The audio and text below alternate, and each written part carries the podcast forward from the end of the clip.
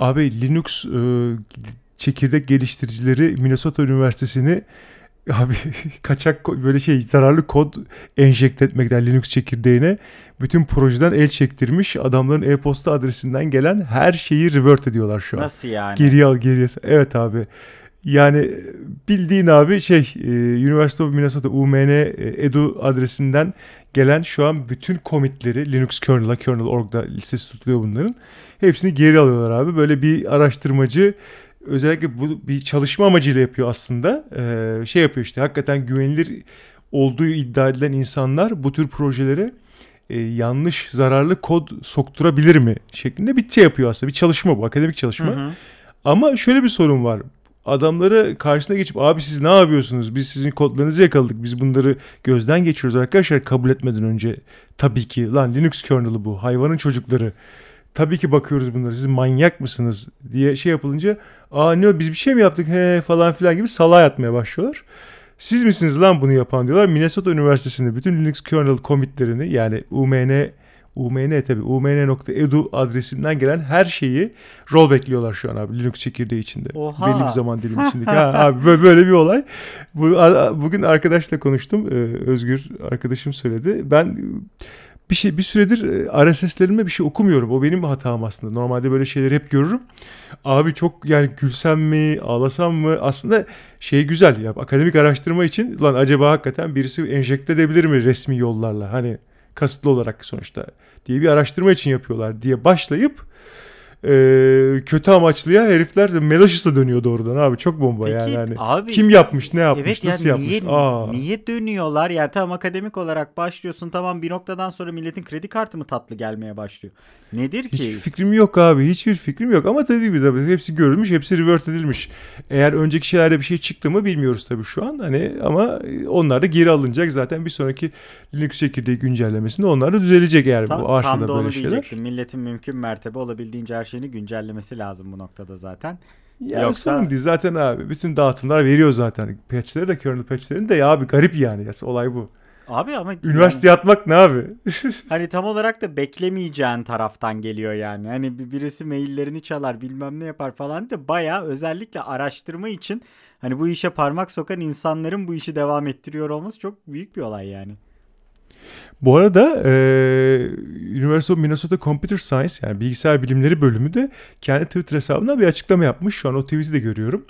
E, şey diyor bilgisayar bilimleri ve mühendisliği bölümünün başı ve işte bir fakülte üyesi diyor işte bu konuyla ilgili araştırma yapıyordu. İşin gittiği yer yerin farkındayız e, ve bizim işte buradan işte e, Linux kernel'a e, katkı yapmamızı önünde bir engel oluşturur şeklinde bir açıklama yapmış. Durumun farkındalar. E, biraz şey gitti diyorlar. Araştırma birazcık kötü yöne saptı şeklinde bir açıklama yapmışlar. Durumun farkındalar. Bakalım de, ileride ne olacak? Güncel şeyleri göreceğiz. Yedik bir abi böyle abuk subuk bir şeyle başlayayım dedim abi. Olay buydu. Abi ama gerçekten çok aslında böyle biz gülüyoruz, ediyoruz falan filan da hani e, açık kaynak topluluklarının ya da open özel open source community'lerin ya da genel olarak şeylerin kendi kendine peer review hakemli olması yani community'nin doğrudan doğruya community'den çıkan şeylere hakemlik ediyor olması ve bu çabayı gösteren insanların ne kadar takdir toplaması gerektiğini bir kez daha hani altını çizmiş oluyoruz. Çünkü gerçekten büyük corporation'lara bilmem nelere ya da hükümetlere ya da farklı kongrelere bilmem neleri bir şeye emanet etmeyip hakikaten de abi biz paylaşımcı olacağız bilmem ne yapacağız ama Ahmet, Stefan, Ana ve Ayşe birlikte oturup akşamleyin işte işlerinden güçlerinden vakit ayırıp gece 3'e kadar bu kodu hani ne denir ona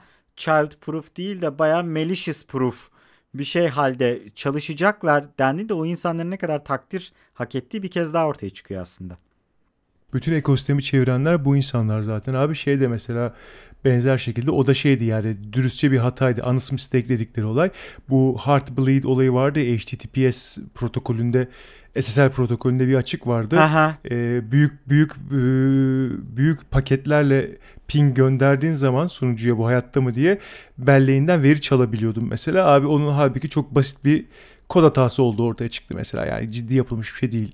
Ve insanları gözünden kaçmış çok basit bir arıza sonucu ortaya çıktı anlaşıldı. Özel olarak mesela bir şey yapılmadı ortaya çıktı ama burada bir de özellikle yapılmış. Test yapılmış ama iş çığırından çıkınca da patlamış. Abi bu işte sonuçta güven veriyor abi. Büyük bir şirkette bunu yaparsan kimse bunu fark etmeyebilir. Ama bu tür şey yerlerdeki amatörlük şeysi nasıl diyeyim şey anlamda amatörlük yani hani e, hayatının bir kısmını vakfetme e, şeysi kavramı işte bu tür sorunların çözümünü çok hızlandırıyor. Bu arada şöyle bir şey de var abi belki biliyorsundur. Linux çekirdeği ve ana böyle e, yazılım paketlerini geliştiren insanlar çalıştıkları şirketlerdeki işlerinin %80'inde sadece oradaki işte çalışıyorlar. Mesailerinin %20'sini vesaire genellikle kendilerinden geliştirmekte oldukları veya e, ayakta tuttukları maintaining anlamında ayakta tuttukları paketlerin e, paketlerle uğraşmaya ayırmalarını rica ediyorlar mesela. Böyle bir şey var. Maaşınızı ben ver, biz vereceğiz. Evet haftada işte 30 saatiniz varsa işte 25 saatini bize verin. Geri kalan 5 saatinde yani iş, işinize, işe gelmiş olmanıza rağmen veya mesai saatinde olmanıza rağmen bu 5 saati geri kalan 5-6 saat neyse gidin lütfen kendi yönettiğiniz işte hamilik yaptığınız paketle uğraşmaya zamanınızı mesainizi harcayın. Parasını biz veriyoruz arkadaşlar falan diye yönlendirmeler de var. Sonuçta açık kaynak kod ve özgür yazılım camiası ancak böyle büyüyebiliyor ve bu konuda işte Red Hat gibi firmalar başta olmak üzere zamanda bunun düşmanlık etmiş Microsoft gibi firmalar, Oracle'lar onlar bunlar zaten artık her, tar her taraf el birliği yapmış durumda. Çünkü dijital ekonomi hala e, Linux çekirdeği ve e, GNU projesi üzerinden dönüyor hala yani. yani. Sonuçta bu insanlara çok şey borçluyuz. Bu en azından bu borcun maddi kısmının bir kısmını gerçekten e, firmaların kendileri tarafından karşılanması da en azından bir güzel bir sosyal sorumluluk projesi. Gerçek bir sosyal sorumluluk projesi. Benzer bir e, yaklaşım demeyeyim de benzer bir ekonomik dağılım Blender Foundation'da da var mesela. Yani e, Blender'ın içerisinde de farklı sponsorship'ler var. Blender'daki bir fark bildiğim kadarıyla çok çok iyi bildiğimi iddia etmiyorum. Orada abi tam zamanlı çalışan var. Yani Blender Foundation içerisinde sonuçta Blender'ı baştan aşağıya çok sıkı bir şekilde revize eden, geliştiren ve aynı zamanda bunun quality assurance'ını yapan insanlar var. Ama onların maaşları zaten benzer bir şekilde biz sizin paranızı veriyoruz. Size verdiğimiz para üzerinden siz kendi otonomluğunuzu kullanarak çalışın diye bir sistem var ve bunun içerisinde de gerçekten Nvidia'dır, Microsoft'tur, bilmem nedir. Yani birçok büyük firma, birçok büyük ekip ve aynı zamanda Blender zaten halktan da hani subscription usulüyle para alıyor.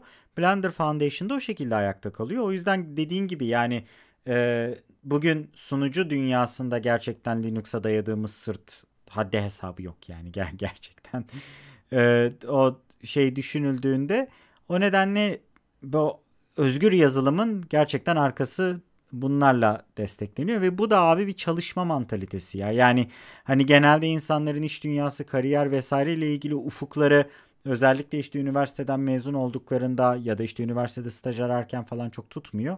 Ama hani dünyada aslında böyle bambaşka işleyen ya da hani bildiklerini sandıklarının aslında hani atıyorum büyük bir şirkete girdim 2000 kişilik çalışan bir şirkete girdim orada zaten müdürlüğe yükseleceğim dediğimiz şey bundan 10 yıl önce özgür yazılımın beline beline vurmaya çalışan bir firmaydı zaten. Yani az önce senin dediğin Microsoft örneği gibi. Yani beline beline vurmaya çalışan bir firmaydı. Daha sonra bunlar gelişti. Hani bu da etkiye tepki oluyor bir anlamda.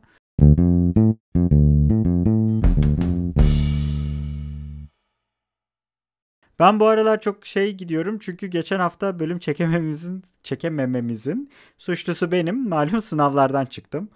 Yok abi ben de ya ben de ben de ben bitkindim bir akşam. Akşamları tutturamadık abi biz bir araya. Benim yorgun olduğum akşam e, sen müsait değil sen müsaittin. Sen sınavlar var abi dediğin zaman ben böyle baktım ah o abi o zaman sınav varsa abi, bir saniye. Peki tane, sınavlar nasıl geçti? 9 ya? tane 9 sınav mu? oldum yani. Ne sınavı abi ne yapıyorsun abi, hayırdır bu yaşında? E, bu yaşında sanki çok yaşlısın. Ya açıkçası şöyle bir şey var. Okumayı daha doğrusu okumayı derken bir şey okumayı değil de okul okumayı hiç özlememişim.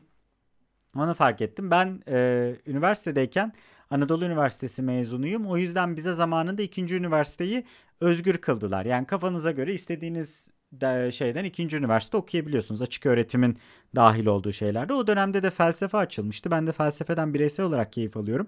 Ulan bari bir okuyorum. Buna bir de bana diploma versinler dedim. Ne anlamı varsa. İlk açıldığı seneydi. O yüzden önceki sorulara bakayım. Bilmem ne yapayım. İşte geçen sene neler çıkmış soruları ezberleyeyim diye bir şey yok abi. Bayağı oturup kitapları okuya okuya paldır küldür girmiştim ben. Keyifli de gelmişti. Güzeldi. Sonra işte para bulamadım falan. Devam edemedim ilk seneden sonra. Şimdi elim para görünce baktım tekrar okuyabiliyorum. Daldım. E, felsefenin ikinci ve üçüncü sınıfından e, ikinci dönem dersler aldım. Normalde 5 ders falan alsam yetiyordu ama ben 9 ders aldım. E, olabildiğince fazlasını bitireyim diye.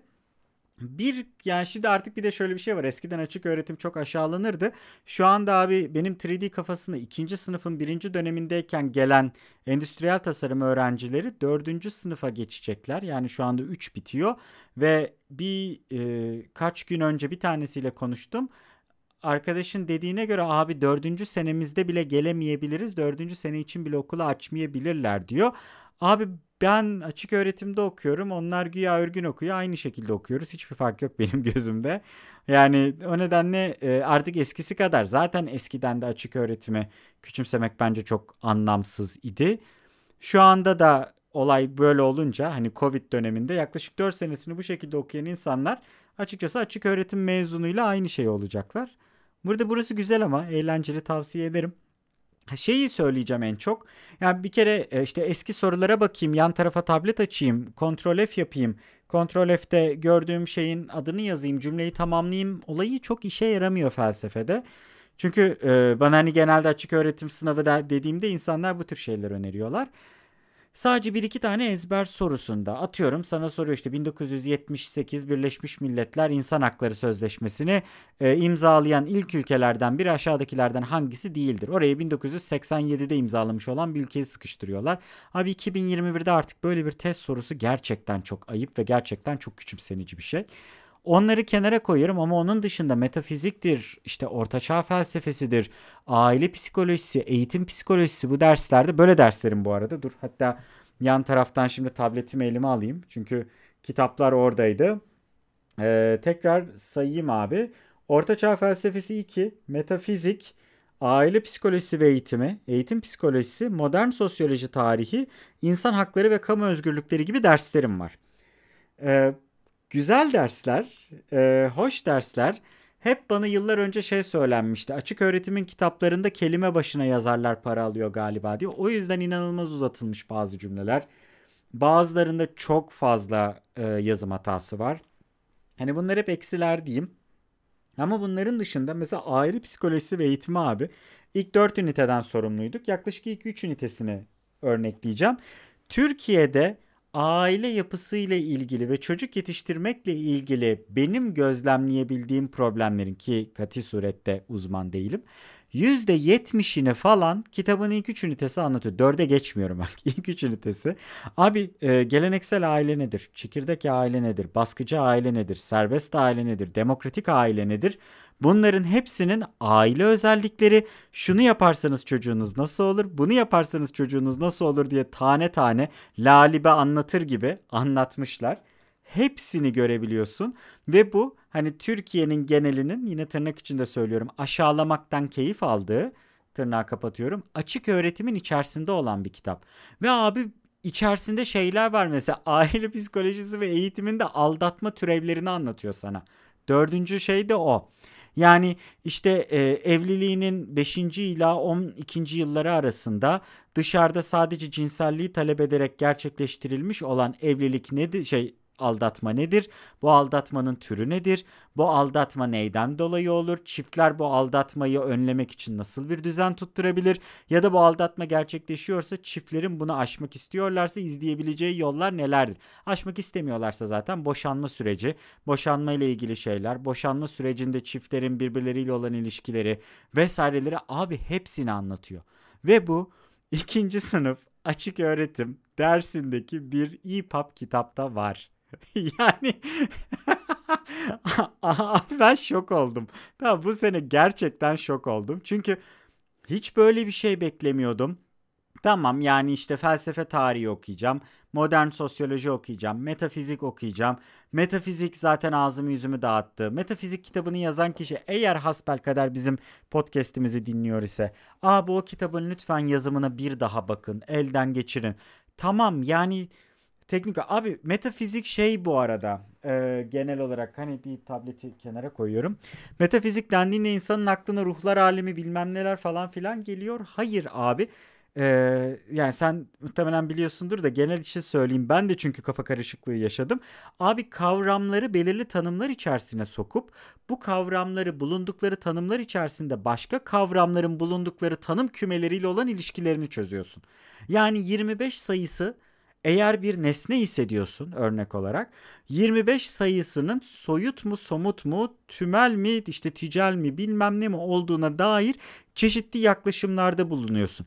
25 sayısının bir nesne olması mesela ya da işte atıyorum İstanbul nüfusu fazla bir şehirdir dediğin zaman nüfusunun fazla olmasının bir eylem mi yoksa bir nesnel anlatım mı bunun soyutlaştırılabilir bir şey mi somutlaştırılabilir bir şey mi olduğunu ve bu kıyasın başka bir kıyasla karşı karşıya geldiğinde nasıl bir ilişkisi olduğunu falan anlatıyor yani. Ee, biraz beyin yakıcı ama kitap çok açıklayıcı değil. Onu söyleyeyim. Abi böyle çılgın bir şey okudum. Ya yani böyle çılgın bir şey içerisinden çıktım. Keyif aldım mı? Bir dereceye kadar aldım. Bir dereceye kadar almadım. Çünkü gerçekten yani metafizik sınavımı sona bırakmıştım. Zaten hani böyle face roll yapa yapa İngilizce ve Türk dili sınavlarını falan hallettim. Sonra inkılap tarihi. Onları ilk başvururken bu arada açık öğretimde ha açık öğretim okumak isteyen insanlara ikinci üniversite olarak şeyi söyleyeyim. Normalde örgün eğitiminizde işte Türk dilidir, Atatürk inkılapları ve tarihidir, e, işte temel bilgi teknolojileridir bilmem nedir alıyorsunuz. Başvuru yaptığınız açık öğretime başladığınız dönemde bunların e, neydi onun? Mahrum değil bir şey intibar ha yani abi ben bunları aldım bir daha almama gerek yokçuluk muaf muafiyet ha pardon tamam intibak ya da muafiyet de oluyor.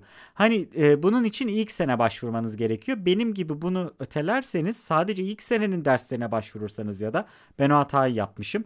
İlk sene bütün derslerden muaf oldum ama bu ikinci ve sonraki senelerdeki derslerden muaf değilim. Bunları tekrar paşa paşa alıyorum. Bunu yapmanız lazım. Ama yani abi özellikle hani topluma bakıyorum. İşte insanlarla konuşuyoruz. Evlilik şöyle bir şey bilmem ne evlilik nasıl sürdürülür. Hani gidip Star Wars'tan referans veriyorsun ya hep Yoda'nın lafı do or do not there is no try. Hani evlenirken ya da bir işe girerken ya da bir arkadaşlığa başlarken ya da herhangi bir şey yaparken dışarıda daha binlercesi var deyip abi en azından deneyelim olmazsa çıkarız zaten mantığıyla ayağını soktu mu bir ayak dışarıda kalıyor ya hep. Yani e, bunların falan toplumsal olarak nasıl bir zarar olduğunu abi tane tane anlatıyor kitap ve hani gerçekten lalibe anlatır gibi anlatıyor. Sana diyor sen çocuğunu çok baskılarsan çocuğun özgüvensiz olur. Yaşı ilerlediğinde karar veremez. Karar verememesinin şeyini içsel olarak yaşar. İçsel olarak bunun stresini yaşadığında da başkalarına saldırır diyor. Ha bu kadar yani. Sen çocuğunu baskıladın mı çocuğun bully olacak yani. Bu, bu kadar basit. Sen çocuğunu çok fazla demokrasi şey, ne aileyi parmağında oynatan bir şey var. Hani ben ona parmakta oynatılan aile diyorum. Baya böyle çocuk ne isterse o tarafa doğru rüzgar olarak savrulan aileler. Hani şu anda feribotta çocuk çığlık atarak bir yerden bir yere koşarken çocuğuna evladım burası toplum içi birazcık sessiz olman gerektiği söylemeyen aile modeli. Türkiye'deki butik güya Avrupa'yı beyaz Türk aile modeli yani. Abi bunların falan şeyini anlatıyor. Çocuk daha sonra her şeyi elde edebileceğini zanneder. Şımarık olur. Çocuğunuzun ağzına vurmak gerekir falan yazıyor neredeyse yani. Hani bu, bu kadar tane tane işte geleneksel aile, geniş ailede işte anneanne karışır, teyze karışır bilmem ne. Çocuğun otorite algısı şaşıyor birbirinden diyor. Falan hepsini tane tane anlatıyor abi. Yani o kadar şey ki ondan sonra şey kısmı çok güzel. Zeka yapıları. İşte var ya benimki sayısal zeka, benimki sanatsal zeka bilmem. Abi kitapta o kadar güzel şey anlatıyor ki. İşte New Age dönemindeki insanlar bu teoriyi alıp kendilerince sanki bir kanunmuş gibi kabullenip hayatlarının her yerine sokuşturmaya çalıştıkları için ama cümleler neredeyse böyle tamam mı? Yani artık yazan nasıl atar gider yaptıysa, nasıl sinirlendiyse işte bunlar hayatlarının her yerine sokuşturdukları için bunu mutlak doğru olarak san kullanmaktadırlar.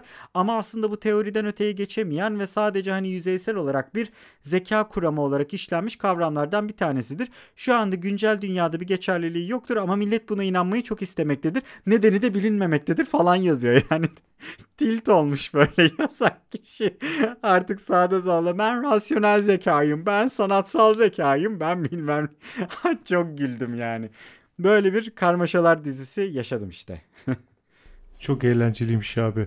Vallahi abi yani hani e, üniversite okumak veya genel olarak eğitim almak güzel bir şey ama diğer taraftan umarım çok da e, bütün vaktinde, bütün ömründe alıp götürmüyordur yani hani tek diyebileceğim ama ben hala rüyasında, kabusunda liseden mezun olmadığını gören bir insanım yani hani o yüzden ben kötü bir öğrenci olduğum için o konulara çok fazla girmiyorum. Yok Öğrencilik haklısın. için bir kabus. Yok haklısın abi. Bir de zaten şimdi şöyle bir şey var. Ben e, unumu eledim eleğimi astım çok iddialı bir laf olur. Ya çok çok iddialı bir laf olur. Yani gerçekten böyle ben şu anda 100 üzerinden 2 ya da 3'ken bir anda 97-98 demek kadar iddialı bir laf olur.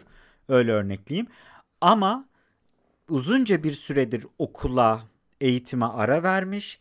E işine odaklanmış şimdilik işte de e, görece olarak bir miktar Covid'den dolayı negatif de olsa nefes alabilmiş bir insan olarak hani hobisel bir dönüş yaptım diyeyim. Mesela bazı insanların aksine ben bir şey umut ederek okumuyorum bunu. Benzer şekilde drone alışım da insanlarda bu etkiyi bırakmıştı. Abi işte drone'u aldın nasıl para kazanmayı umuyorsun? Ummuyorum abi ben zevkine gidip doğada kulağımda müzik video çekmek istiyorum. Sırf bir arkadaş grubum olduğunda arkadaşlarımla paylaşabilmek adına video kurgulamak istiyorum. Sırf renk algımı geliştirebilmek için ben videoda color correction çalışmak istiyorum. White balance öğreneceğim anasını satayım. Bu yani. Her şeyi biz kıyamam paraya dönüştürmek için bir takıntılık içerisine girdiğimiz için ülkede. Hani benim drone pardon benim drone mevzusunda da aynı şey olmuştu. Benzer şekilde felsefede de ilk okumaya başladığımda Birçok arkadaşım abi bunu nasıl paraya çevireceksin? Bari işe yarar laborantlık falan okusaydın dedi. Abi ben paraya çevirmek için okumuyorum bunu. Ulan zaten işim gücüm var benim. Ne laborantlığı? Ben zaten işletme sahibi bir insanım lan. Ne oluyor bir saniye şş, alo falan diye bir delirme anı yaşamışsındır. Aman tanrım bu çok iddialı oldu ama evet bir miktar delirme şeyi yaşadım. Ya bu işte drone mevzusunda da öyle. Abi emlak çekimlerine gider misin dedi. Abi ben niye dükkanımı kapayıp emlak çekimlerine gideyim? Manyak mıyım ben? Hani vaktim olur Gerçekten o gün yapacak çok bir şeyim olmaz ve gerçekten birisi bana bir çekim için 2000 lira para veriyor olur. Tamam o zaman gidemem ama kimse kim bana 2000 lira para versin abi? Millet Inspire'la çekilen videoya ancak 2000 lira para verir. Bende Air 2 var. Air 2S çıktı bu arada. Berkin çok güzel bir aletmiş. Bir ara bu, bugüne sığdıramayız muhtemelen ama yeni çıkan dronları falan da konuşalım. Hem FPV drone hem de e, Air 2S çıktı DJI'dan. Hani çok çılgın aletler, güzel aletler.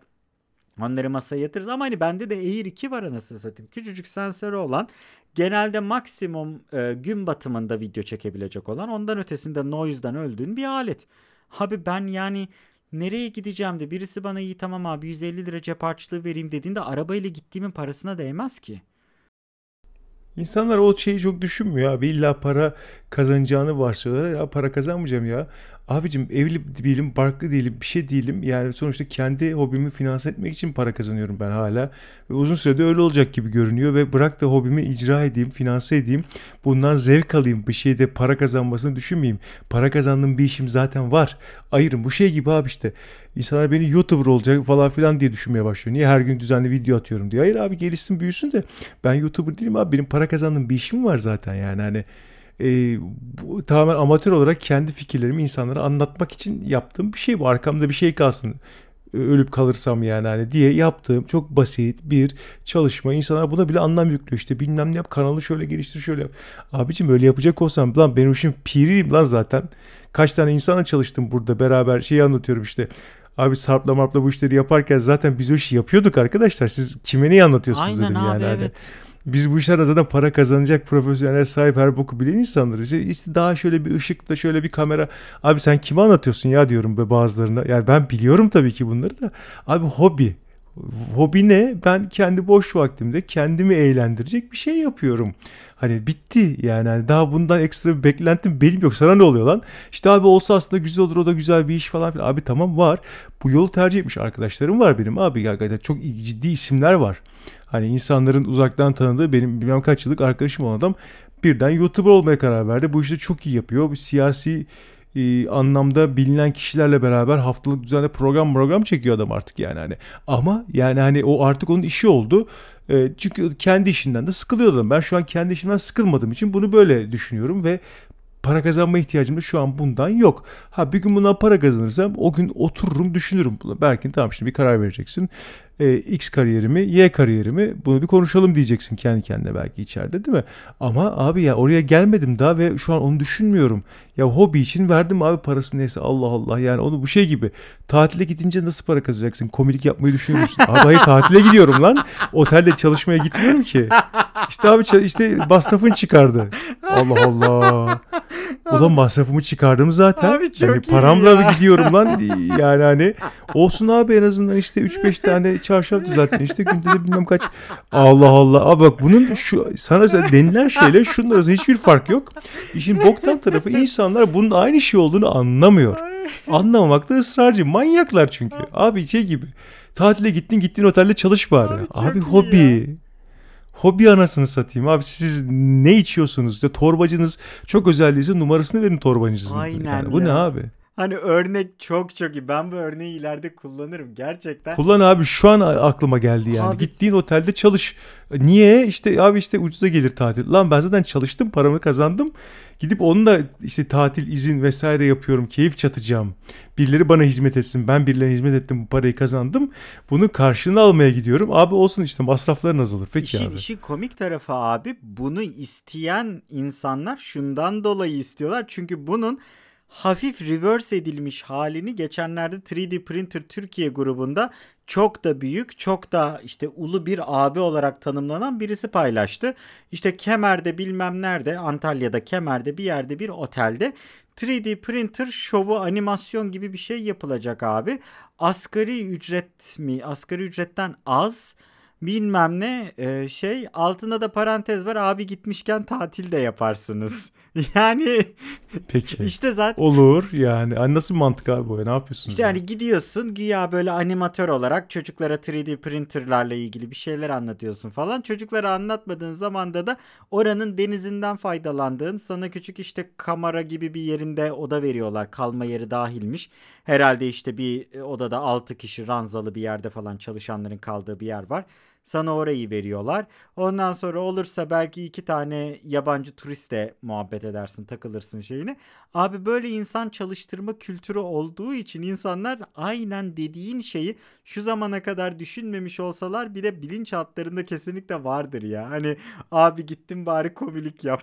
Hani çok çok iyiymiş. Rahatsız etti yalnız bu fikirler. Hakikaten yani of, çok. Kendi fikrimden rahatsız oldum abi ilk defa. Yani hani Of roketsepeti.com fikri bile bu kadar rahatsız ve, etmişti. Ve çünkü çok fazla yabancı olmadığını bir anda fark ettin değil mi fikrin? Yani gerçekten o kadar da uzak değilmiş.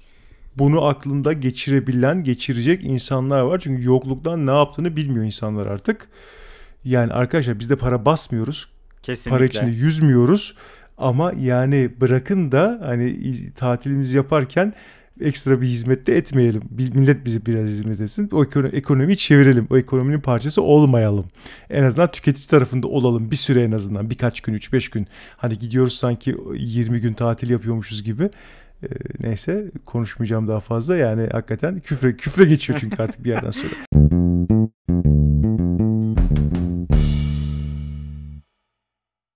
Neyse abi boş ver sanattan bahsedelim biraz. Sen geçenlerde kendine bir tane e, enstrüman aldın. Müzik enstrümanı aldın. Ha evet. E, Valla gayet de memnun memnun mutlu mutlu çalıyordun abi. E, elbette tabii ki hani ben en son şeyin senin aldığın şeyin fiyatı üzerinden o aletin analog versiyonlarının fiyatlarını tahmin ettim. Sonra açıp bakmadım tabii canım sıkılmasın diye. Çünkü e, bundan 10-15 sene önce bir fikrim vardı fiyatlarıyla ilgili. Şu an hiçbir fikrimin olmadığını düşünmeye başladım. Seni dinleyelim aslında. Şimdi güzel bir dijital piyano oldun diye biliyorum. Abi evet. Şimdi genelde insanlara ben küç- küçükken piyano çalıyordum falan deyince tabii bizim küçüklüğümüzde dijital piyano dediğimiz şey yok. Bu arada dijital piyano org demek değil arkadaşlar. Birbirinden farklı kavramlar. Dijital piyano biraz daha piyanonun tuş ve çekiç sistemini simüle etmek üstüne olan şeyler. Org dediğimiz şeyse aslında synthesizer'ın yani eski dönemlerde var olan e, osilatörlerden sonra olan synthesizer'ların hani sentez sentetik ses üreten cihazların piyano gibi gözüken halleri aslında ama gözükmesi o işlevi yaptığı anlamına gelmiyor. Dijital piyanolarsa gerçekten basım şekli, basım kuvveti, tuşların yapısı, tuşların biçimi, altlarındaki ağırlığı ve arka tarafta bağlı oldukları sensör dizisiyle akustik piyanoları taklit etmeye yönelik. Tek amacı bu olan tamam içinde ses dosyası olarak yani sample dosyası olarak başka bir şey attım mı? Evet bendeki de keman sesi veriyor ama hani amacı gerçekten piyanonun vuruşunu taklit etmek. Önce bir bunu söyleyelim. Bizim küçüklüğümüzde tabii ki dijital piyano yoktu. O yüzden ben piyano çalarak büyüdüm dediğimde İnsanlar vay anasını ya adamın Hamptons'ta yazlığı varmış falan diyor. Şöyle bir e, özet geçeyim. Abi bizim küçüklüğümüz az çok Sovyetler Birliği'nin yıkıldığı döneme denk geliyor. Netflix'te e, Project Odessa diye bir belgesel var. O belgeseli bir izleyin arkadaşlar genel olarak onu söyleyeyim.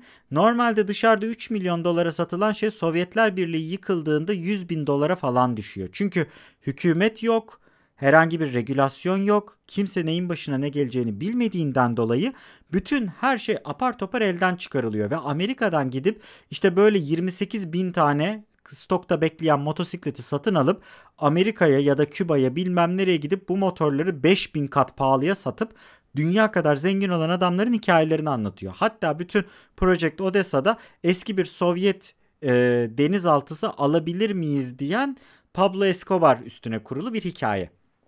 O yüzden hani e, buradan şeye geleceğim. Bizim sahip olduğumuz piyano babamın o zamanlar çalıştığı şirket Sovyetler Birliği'nden bolca piyano getirmiş abi yıkılma döneminde. İyileri piyasaya sürmüşler, iyi paraya satmışlar. İyilerden bir kademe gerileri üst düzey patronlara satmışlar. Ondan bir kademe kötüleri orta düzey patronlara satmışlar. Sonra babam da orta düzeyin şeylerine yani İzmir'de bir kömür stok sahası müdürüydü. Oranın yöneticisiydi. Ee, ondan sonra da geriye son kalanları gerçekten çok uygun fiyata yalan değil ee, şeyde sattılar.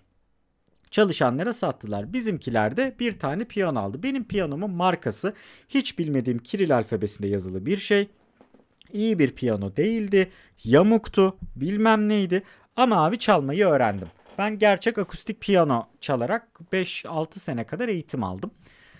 E, aldığım eğitim de bir üniversite kursiyerindendi. Yani öyle gidip de bir müzik hocasından falan da almadım. O şekilde benim piyano deneyimim oldu. Sonra şehirler değiştirildi bilmem neler oldu derken ben 15 yıla yakın piyanodan uzak kaldım. Sonra İzmir'e geri dönünce e, evde tabii piyano ile bir araya gelince baktım ki piyano şey artık sizlere ömür bir durumda. Çağırdık ettik ha, yüksek fiyatı. Yani düşün benim dijital piyanoyu aldığım fiyattan daha pahalısına tamir ediliyormuş. Dedik biz de o işe giremeyiz. Ee, ne yapalım? Piyanoyu düzgünce değerini bilebilecekleri bir yere sergi alanına teslim ettik. Ondan sonra da yerine bir dijital piyano aldım. Çok fazla akustik piyano uzmanlığım yok. Ee, bizdeki duvar piyanosuydu. Bir iki kere de konserlerde grand piyano, salon piyanosu çaldım. Ama hani sorarsan Yamaha piyanoyla işte bilmem neyi yan yana getirsek ayırt eder misin diye yok abi hiç. Yani ben benden çıkmaz o yalan. Öyle bir becerim yok. Ama e, aldığım piyano e, az biraz bir para da verdim. Sen biliyorsun zaten şeyi. E, yine de tam olarak aynı değil. Güzel bir piyano. Çok memnunum. Kendi içinde metronomu var. Kulaklık olayı çok büyük bir artı. Gerçekten dijital piyanodaki kulaklığa ben hayran kaldım. Hakikaten çok fazla hata yaptığın ve sanki insanlar duyacağında utanacağını hissettiğin dönemlerde takıyorsun abi kulaklığı. Hardcore bam güm giriyorsun. Ee, tablet telefon bağlayabiliyorsun. Ben bazen notalar için bazen sistemi kontrol edebilmek için bağlıyorum. Ee, o rahat bir sistem. Senin için herhangi bir şekilde MIDI dosyası varsa MIDI dosyasını koyuyorsun e, atıyorum orkestral bir MIDI dosyası koyuyorsun. Sadece piyanonun olduğu kısımları boş bırakıyor oraları sen çalıyorsun. Orkestra geri kalanını çalıyor mesela. O tür seçeneklerin olduğu bir şey var. Benzer şekilde eğitim programlarıyla uyumlu gibi gibi şeyler. Abi güzel. Ee, bir enstrüman çalmak bence güzel bir şey. Hayatımda bugüne kadar piyano, gitar ve keman denedim. Kemanı üniversitedeyken denedim. Gitarı ise çalışma hayatımda denedim. İkisinde de telli çalgılarla çok başarılı olduğum söylenemez. Hatta hiç başarılı olduğum söylenemez. Ama piyanoyla bir miktar aram var. Pardon masa, masayı gümletince. Ee, eskiden bildiğim ettiğim parçaları yavaş yavaş çalmaya başlıyorum. Arada da yeni e, keyif aldığım bazı şeyleri e, tekrar çıkarmaya çalışıyorum. Bunun hop, en net örneği yine tabletimi şey yapayım. Notalar çünkü şu anda tabletimde e, oradan Oscar Schuster diye bir şey var. E, besteci var. Onun mesela Matilda diye bir parçası var. Bu aralar Matilda'yı çalışıyorum. E, çok da keyif alıyorum. Zorluyor ama keyif alıyorum. Ve gerçekten bisiklete binmek gibi miymiş diye soruyorlar bana. Evet abi bisiklete binmek gibiymiş. Çünkü ben gerçekten 12 yıldır falan doğru düzgün elimi sürmedim. Ama e, tabii şöyle de bir şey var. Hieroglif okumak gibi bir şey. Önce nota okumayı bilmeniz gerekiyor. E, ben klasik eğitim aldım. Onu not düşeyim. Genel olarak kulaktan bir şeyler çalma konusunda çok kötüyümdür. Sol anahtarıyla aram iyi. Fa anahtarıyla aram biraz kötü. Neden sol ve fa anahtarı birbirinden ayrıdır? Müzik teorisinde onu atlamışım. Ama çok büyük dert abi. Birisinde Abi yok çok basit bir sebebi var abi onun. notaların hizaları aslında da yani Abi evet sonuçta şey Birbirlerine var. giriyorlar. e, yani evet çünkü şey var aynı notayı farklı gamdaki notayı aynı porte üzerinde başka türlü ifade edemeyeceğin için e, sesi pe- pese veya tize doğru taşıyorsun abi.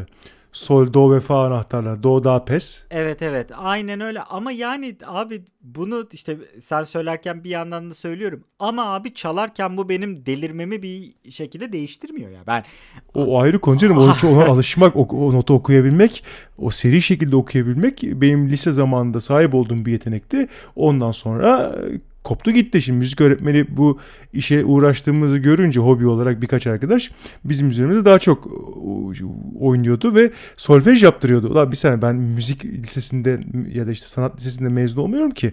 Ben düz Anadolu Lisesi'nden mezun olacağım yani hani.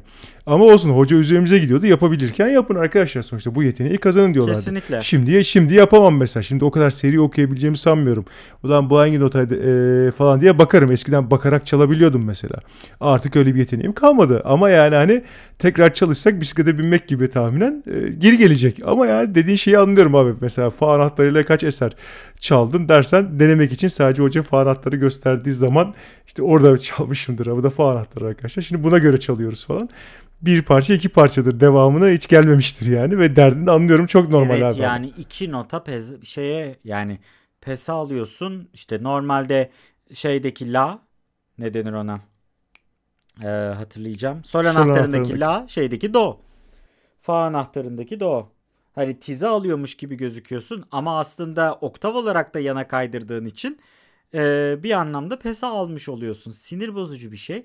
Çünkü e, normalde notaların dizilimindeki oktav şeylerinde de birisinde 3'ü birisinde 4'ü çalıyorsun. Normalde birçok parçanın başladığı yerde.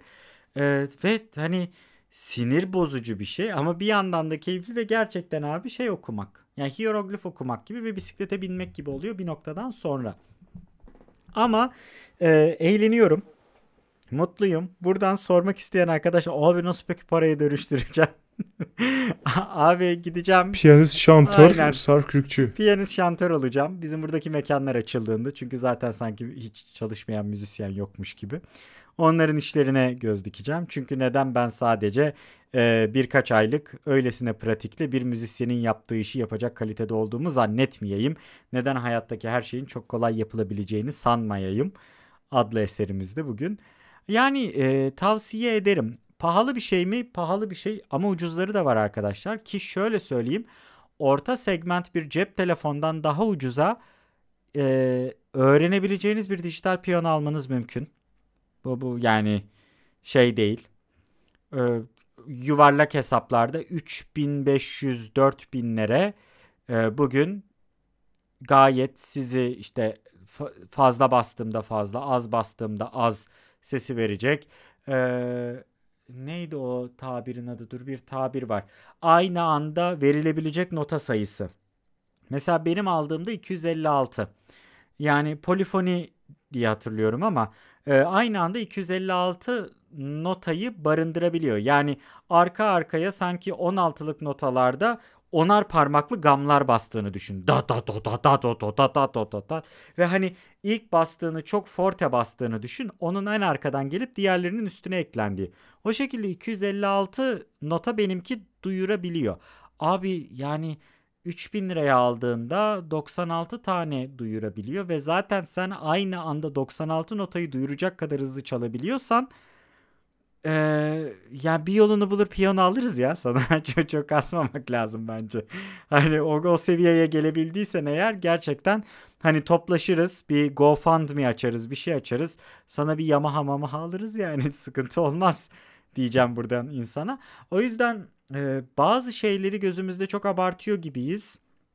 Ama bazı şeylerde de e, dünya aslında hani sadece cep telefonu, sadece ekran kartı, sadece oyun, sadece bilmem neden kafayı kaldırdığımızda o kadar da imkansız değil. Evet hala hani şey konusuna geri geleceğiz. Ee, Türkiye'deki en e, yani daha doğrusu Cumhuriyet döneminin en büyük bireysel vurgunu. Çünkü toplumsal vurgun onun 64 katı gibi bir şey oluyor zaten e, Türkiye'de. Ama hani bireysel vurgunun yapılıp da kaçtığı şeyler de düşünülürse Türkiye'de her şeyin çok pahalı olduğu bir gerçek. Ama geçenlerde mesela DSLR dünyasına girmek isteyen bir arkadaşım Canon 250D aldı. Pahalı. 5 civarında bir fiyatı vardı şu anda. Yani en son biz konuşurken ben 200D kullanıyorum hala ve onu yarı fiyatından az bir miktara almıştım zamanında. Hala 200'de alınır bence. Yani benim en son çektiğim Mandalorian videosu kaç 1600 ya da 3200 ISO'da o kamerayla çekildi. Ve yani noise noise ortada belli. Ee, abi yani o paradan biraz daha fazlasını güçlü orta segmentin üstü cep telefonu alıyorsun zaten. Hani cep telefonuna bu kadar para yatırmayıp yerine fotoğraf hobini tercih edeceğin bir durumun tabii ki ekonomik sistem keşke böyle bir tercihte bulunmasak dedirtiyor. Ama içinde bulunduğumuz durum buysa bu tercihi de yapabiliriz aslında. Hani böyle şeylerde mümkün. Genelde insanlar biz böyle şeylerden bahsettiğimizde sanki işte senin de biraz önce dediğin gibi para basıyormuşuz gibi düşünüyor. Bu sadece adımını attığın şeyle alakalı yıllardır söylüyorum ben. Hala şu anda kayıt yaptığım bilgisayar ikinci nesil Sandy Bridge i7 2600K'ya sahip. Ve hala oyunları bunda oynuyorum. GTX 980 var bu bilgisayarın içinde. Hala DDR3 kullanıyorum. Hala oyunları hard diskten okuyorum. Yani e, çok da uzatmayayım ama nereye geldiğini az çok anlıyorsun konunun. Zaten anlıyorsun demeyeyim. Biz seninle bunu sık sık konuşuyoruz da. Hani böyle de bir şey var. Açıkçası memnunum. Hızlıca şeyi geri toparlayayım ve e, bana tekrar bir enerji aşıladığını itiraf edeyim dijital piyanonun. Çünkü bir şeyleri zevkin için ve mutluluğun için yapabilmenin ve bunu hani bir anlamda işitsel ve sadece kendin için yapabilmenin başkalarının karşısında olmadan kendin için yapabilmenin de çok güzel bir ruhu varmış.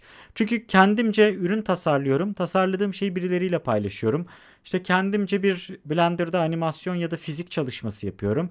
Bunu sosyal medyada paylaşıyorum. Ama piyano öyle bir şey değil.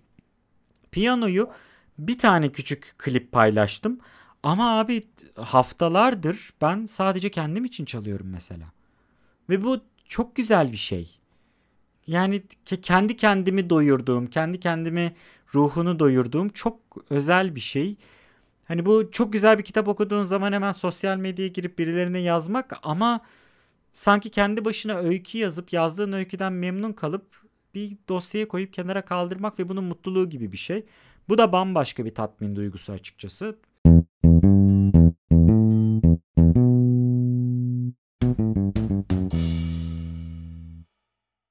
Peki ruhsal tatmin derken? Heh, yani Kılıç çekip insanları doğurmak ruhsal tatmin getiriyor mu?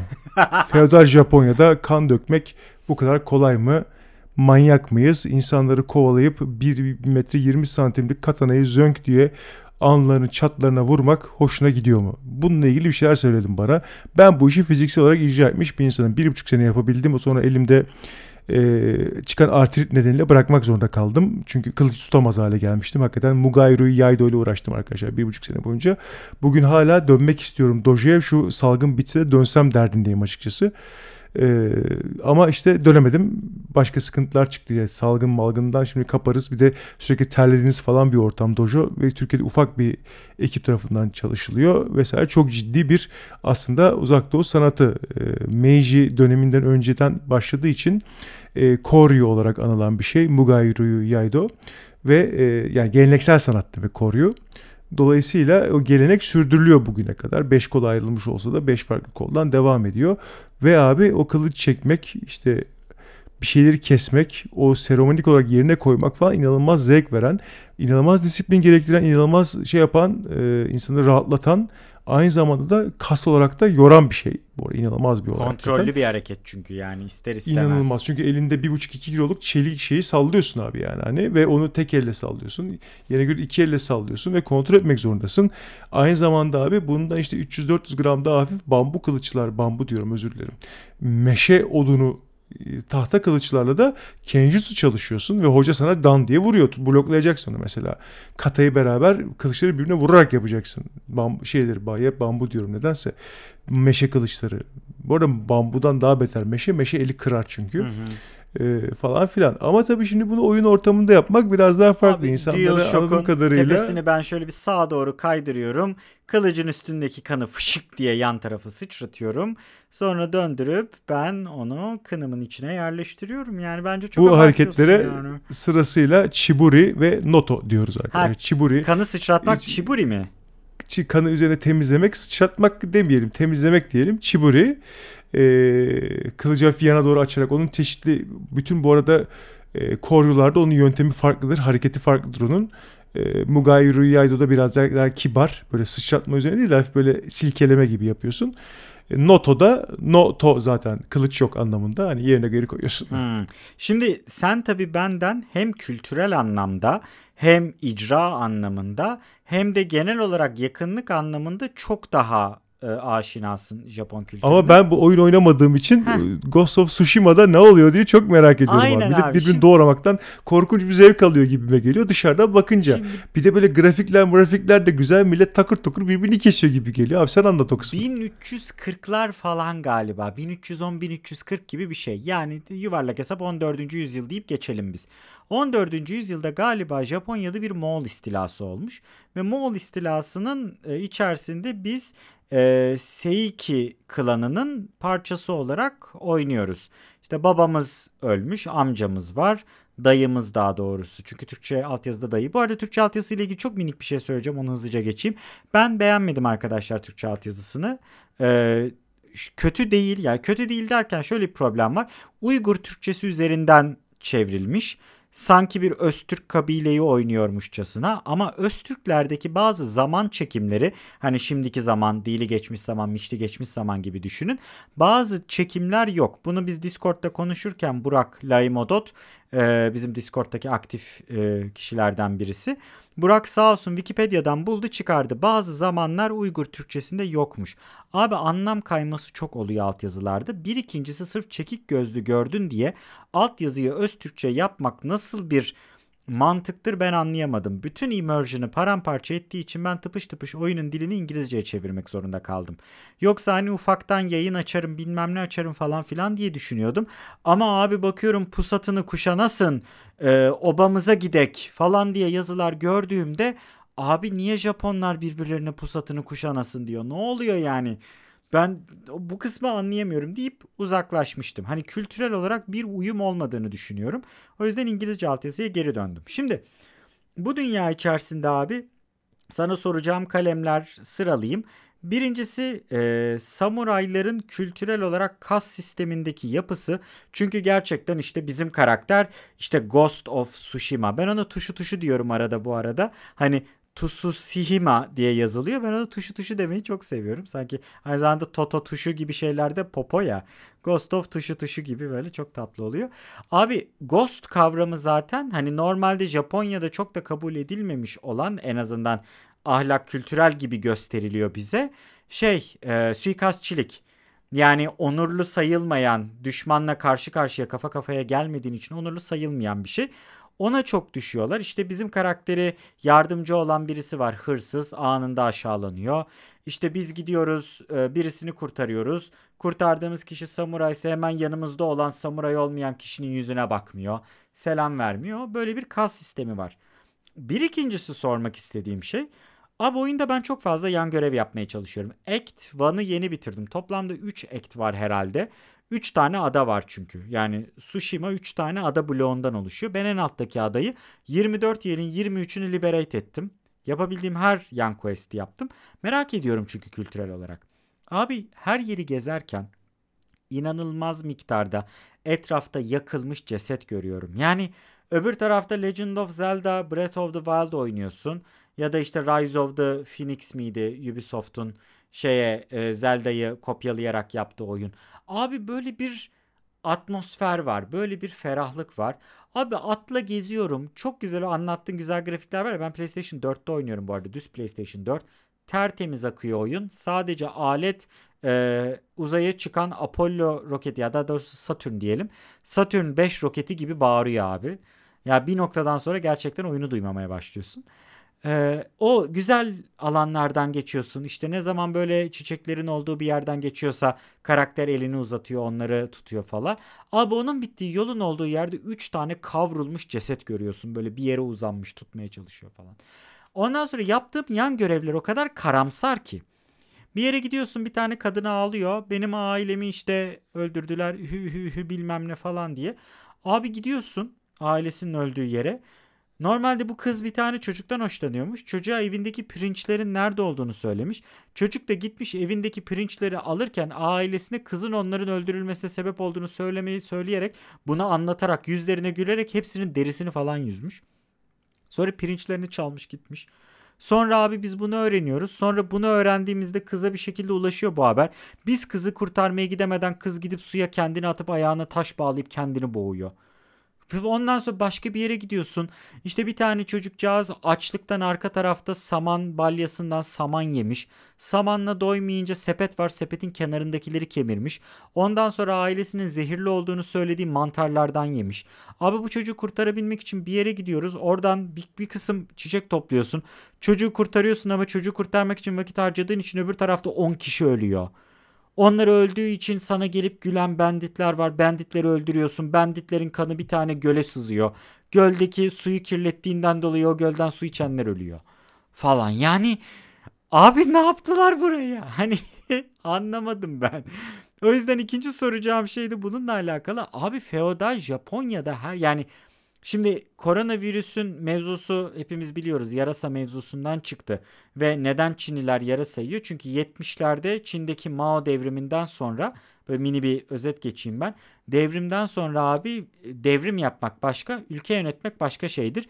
Ve ülkeyi doğru politikalarla yönetemeyince, tarım politikası oluşmayınca zaten Çin saçmalamaya başlıyor. O yüzden sağda solda yarasa, çekirge yani kolay üreyen, zorlaştırmayan ve besleyici olan hayvanların üretilmesi süreci başlıyor.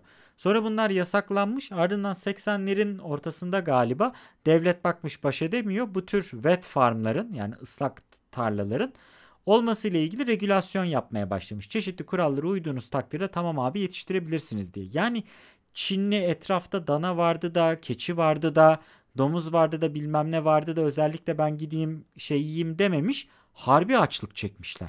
Abi Ghost of tuşu tuşuya bakıyorum. Herkes aç. Yani birisine gidiyorum. Kadın diyor ki benim yemeğimi çaldılar ama ne olur onları öldürme. Abi gidiyorsun ormana 20 kişi doğuruyorsun. Ondan sonra onların pirincini alıyorsun kadına geri götürüyorsun. Kadın diyor ki e işte teşekkür ederim. Bakıyorsun kadın niye bu kadar ölü teşekkür ettin diyorsun. Ya aslında pirinç benim değildi bu pirinç başkalarının da diyor. Onları öldürmedin değil mi diyor. Hayır diyorum diyorsun öldürdüm yani. Abi işte ama onları öldürmemeliydin. Herkes aç, hepimiz açız. Hayat ızdıraptan oluşur zaten falan diyor. Abi neredeyse böyle odasının kapısını çarpıp keep out tabelası sarsılacak kadının yani. Öyle bir ergenlik var ortamda. Dedim ne yaptınız abi? Hani zaten Hiroşima ve Nagasaki'den dolayı insanlar toplumsal olarak üzülüyor. Abi Japonya hepten beni çok üzdü. Nesi var abi bu ülkenin? Bana bunu bir anlatır mısın? Abi şimdi Japonlar bizim standartımıza göre manyak. Bu manyaklıkların öncelikle çalışma manyaklığı olarak 21. yüzyılda hala tezahür ettiğini görüyoruz zaten biliyorsun. Adamlar sapık gibi çalışıyorlar. Adamlar için normal mesai biten bir mesai kötü bir mesai. Çünkü sen e, çalışmıyorsun. Diğer arkadaşın eşek gibi çalışırken sen işten kaytaran bir e, şeysin. E, aşağılık bir insansın. Abi yani çok hani özür dilerim. Orada e, gençlik döneminde fabrikada çalışmış olan bir tanıdığımın lafı toplantı odası kapkaranlık, camı yok, hiçbir şey yok. Sadece bir tane çok ölü ışık yazı, yakıyorlar ve duvarda bir yazı var. Siz e, toplantı yaparken Almanlar çalışıyordu yazıyormuş. Gayet doğru. Zaten yok toplantının verimsizliğini anlamış olmaları zaten güzel bir şey. E, ama şöyle bir vaziyet var. Japonlar çalışma manyağı bir memleket. Bu 20. yüzyıldaki örneklerden biliyoruz bunu. E, Nobita from Japan diye bir tane şey var. E, YouTube kanalı var. Adam Japon bazıları bazı şeyleri İngilizce çekiyor dilini döndüğünce. Bazı işte özellikle Japonlarla Japonca konuştuğu şeylerde ise e, İngilizce altyazılı Japonca videolar çekiyor. Ama Japonya'yı anlatıyor bir Japon'un gözünden. Yani ortalama bir Japon kendisi gibi görüyorum yani ve mesela adamın videolarından birkaç tanesi bu aşırı çalışma manyaklığı üzerine mesela kurgulanmış. Japonların bir kere böyle manyaklıkları var. Adamların evet mesela e, biliyorsun e, bu bizim Osman Gazi Köprüsü'nün halatı koptuğu zaman kimseye canına bir zarar gelmemiş olmasına rağmen sorumluluk Aynen kendi abi. sorumluluk edip Ryoichi kişi isimli insan gidip kendi bir mezarlıkta falçatarla bileklerini kesip intihar etmesi falan filan. Manyaklık yani hani. Abi e, adamların böyle şeyleri var. Çok değişikler. Biz onları anlayamayız. Gerek yok. Anlamayalım zaten. Yani Türkiye'de öyle bir şey olsa da siyasetçi kalmaz yani. yani ben bunu yapmamalıydım. Öyle hoşurt falan filan yani. Mail ölmeleri lazım yani. Hani kendilerini kesmeleri lazım. Abi, o derece manyaklık. Bizde biliyorsun sorunun cevabı oruçluyum oluyor zaten.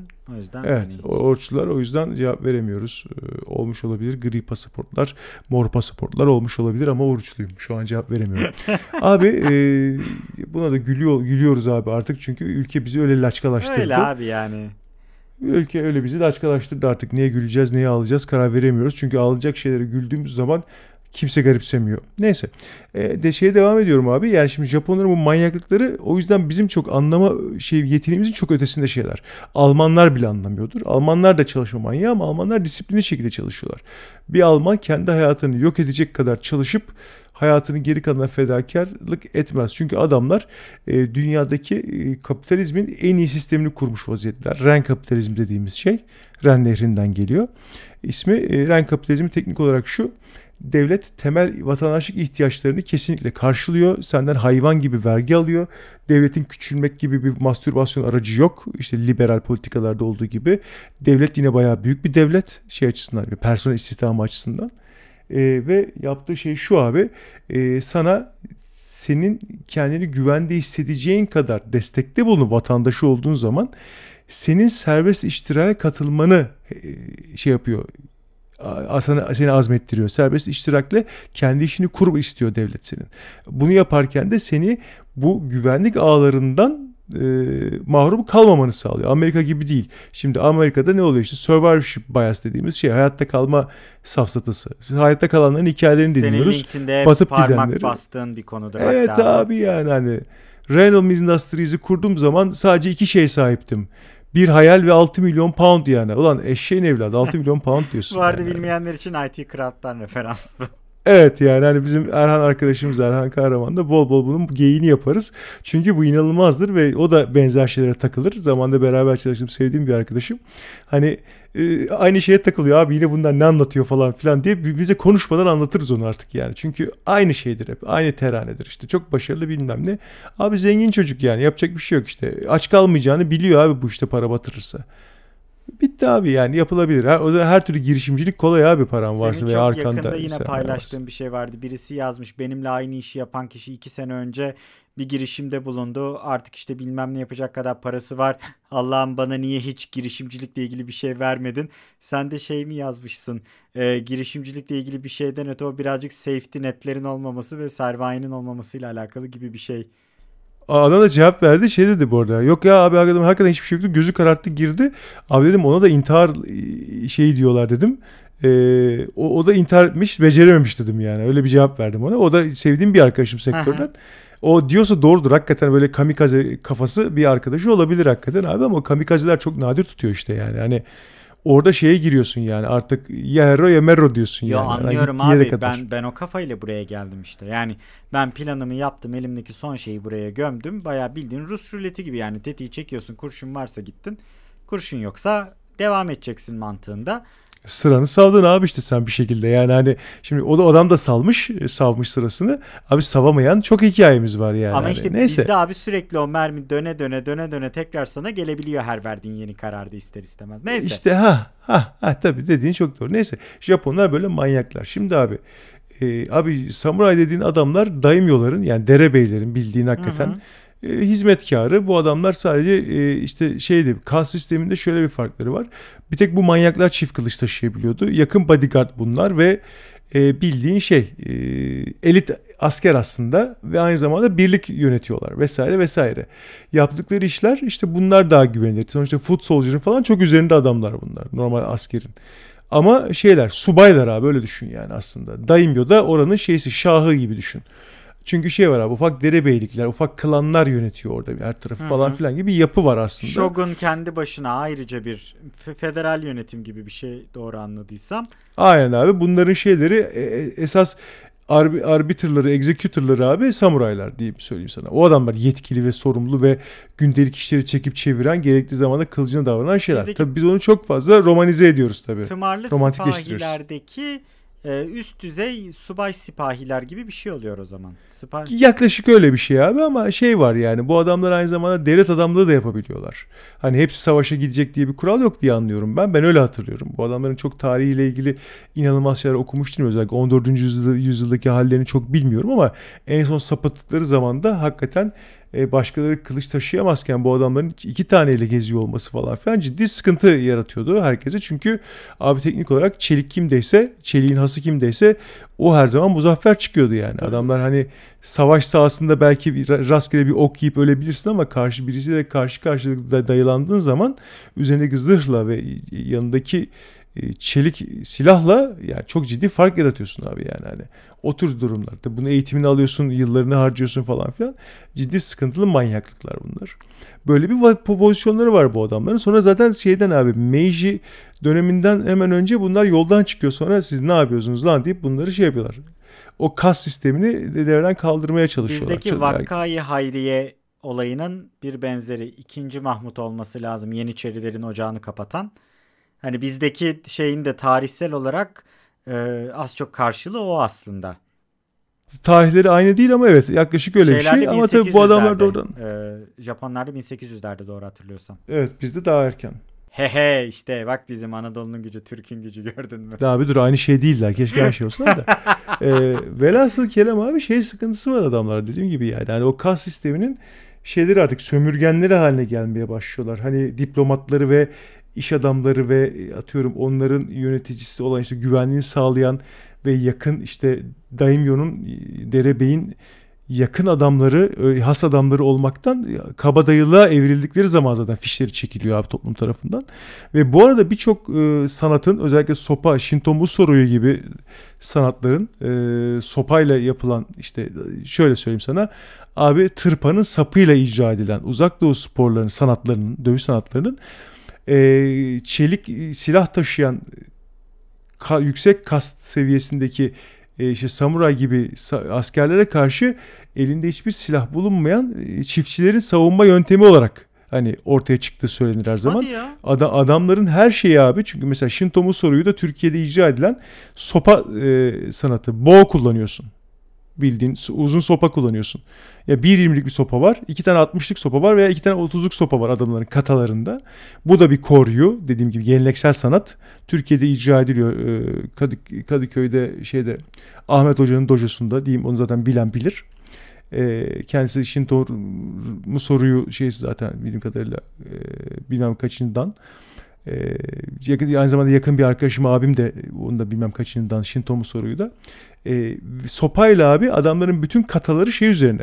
Karşıdaki hasmın elindeki kılıcı at- attırmak üzerine. Onu oradan elinden almak üzerine. O kılıcı bir şekilde elden düşürmek üzerine mesela. Bütün kataları. Ve bunu sopayla yapmak zorundasın. Ve orada şey yok adam onu öyle bir geliştirmiş ki hani hakikaten adam sana kendi tekniğiyle kılıçla saldırırken sen iki tane 60 santimlik sopayla adamı bertaraf etmek zorundasın. Ve karşı darbe vurmak zorundasın. Kılıcını düşürebilirsin. Kılıcını kenara açıp kafasını yara yarabilirsin. E, veya kılıcından kaçıp kafasını yarabilirsin gibi opsiyonların var mesela. Bunlar üzerine çalışıyor bütün bu şey geleneksel sanat. Hmm. Karşında başka sopa kullanan adam yok. Senin karşında kılıç çeken adam var falan. Hatta daha bomba silahsız bazı e, dövüş sanatlarında da şey var. Adama kılıcını çektirmemek üzerine hareketler var. Mesela bu, bu evrimlere bile samurayların tek başına varlıkları, çift kılıç taşımaları veya gerçekten ciddi büyük kılıç taşıyor ol, ol, olmaları nedeniyle abi adamların dövüş sanatlarına çok ciddi şekil vermişler. Çünkü bu dövüş sanatlarıyla eğitim aldığın zaman savaş e, alanında da zaten iş yapıyorsun bunlarla. Çünkü her zaman o ideal zırhımı giydim elime kılıcımı aldım senaryosu yok. Adam seni okuluyor ne yapacaksın abi? Abi adamların sonuçta şeyi de var. Eee Daikyu kullandığın büyük, büyük işte e, nasıl diyeyim sana İngiliz yayı gibi. Longbow'lar evet. E, o aynen longbow kullandığın sanatları da var abi. Ne yapacaksın? Ona da bir şey geliştirmen lazım. Elinde sadece kılıç var. Allah kolaylık versin. Hadi bakalım. Kılıç senin kalkanın abi. O yüzden şeydir mesela. Hiçbir e, kılıç sanatında e, hasımla e, senin arandan o kılıç çıkmaz. Çünkü kalkanın yok abi. Kalkanın senin o incecik kılıç. İşe yarıyor mu? Yeteneğin kadar. Evet evet onu genelde ben şeyde böyle arada sırada YouTube'da Medieval Swordsman uzmanları işte bilmem ne filmlerini değerlendiriyor gibi şeyler oluyor. Orada da en sık söylenen şeylerden bir tanesi. Yani bir kılıç boyu kadar mesafeyi hep kılıcı ortada tutarak düşmanın arana koyuyorsun en az zaten. Yani çünkü öyle ağız ağza girdim birbirini ittim kalktımdan öte kılıç olayı gerçekten hani mesafemi korudum açığı yakaladım ya da işte e, dengesini kurdum gibi bir şey oluyor. Sen tabi benden çok çok daha iyi biliyorsun. Ben sadece YouTube'da izlediğim he videolarından öte bir şey bilmiyorum. Yalan değil. Abi pratikte de böyle zaten. O kılıç asla rakibin ve rakibinin kılıcı, düşmanının kılıcıyla senin arandan çıkmıyor abi. Bütün pozisyonlamaların ona göre. Yön değiştirirken de bir hasmı bertaraf ettin ve geçici olarak durdurdun. Yeni hasımla arana alıyorsun o kılıcı. Çünkü o senin aynı zamanda kalkanın abi. Çünkü uzak doğuda öyle kalkan sistemi yok. Yani var bazı şeylerde ama şeyde var. Foot soldier'larda var yani. Şeyde sen de yok abi. Sen sadece iki kılıçla kendi savunmakla mükellefsin falan filan gibi bir şeysi yapısı var o işin. Evet Moğollarda falan gelen askerlerde mesela kalkan oluyor ama tabii onun tarihsel bir örnek midir yoksa oyunun düşman şeyi. Çünkü farklı stanslar seçiyorsun. Yani e, R2'ye bastığın zaman sağ tetiğe bastığın zaman işte üçgen, kare, x ve yuvarlak bunların her biri farklı stanslar. Birisi sadece kılıçlı adama, birisi kılıçlı kalkanlı, birisi mızraklı ya da uzun baltalı, birisi de brut dediğimiz iri abilere. Yani herhangi bir şekilde perilenemeyen saldırılar yapan e, Brute abilere karşı savaşırken kullandığı şeyler. Her birinin işte breaker'ı farklı. Birinin breaker'ı diğerini işlemiyor falan. Aslında yani tümüyle arka tarafta kodsal bir şeylerin değişimi. Ön tarafta da ufak animasyonlar değişimi. Tümüyle oyuna flavor katmak için. Ama gerçekten tarihsel olarak Moğollarda vardır belki. Çünkü Çinlilerde var kalkan. Onu biliyorum. Yani tarihsel olarak Çin'de kalkan var ama şeyden emin değilim. Moğolları bilmiyorum. Peki abi ben bir şey daha soracağım sana. Şimdi Strawheads diye bir grup var. Strawheads'ler e, Ronin.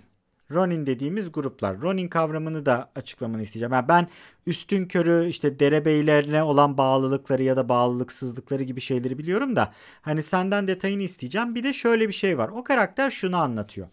Bizim karakterle birlikte abi bir e, turnuvaya katılmışlar. Hani şeylerde ortaçağ temalı filmlerde böyle festival tadında e, hani bölgenin feodal sorumlusuna e, ithafen yapılan şeyler vardır ya, turnuvalar vardır ya.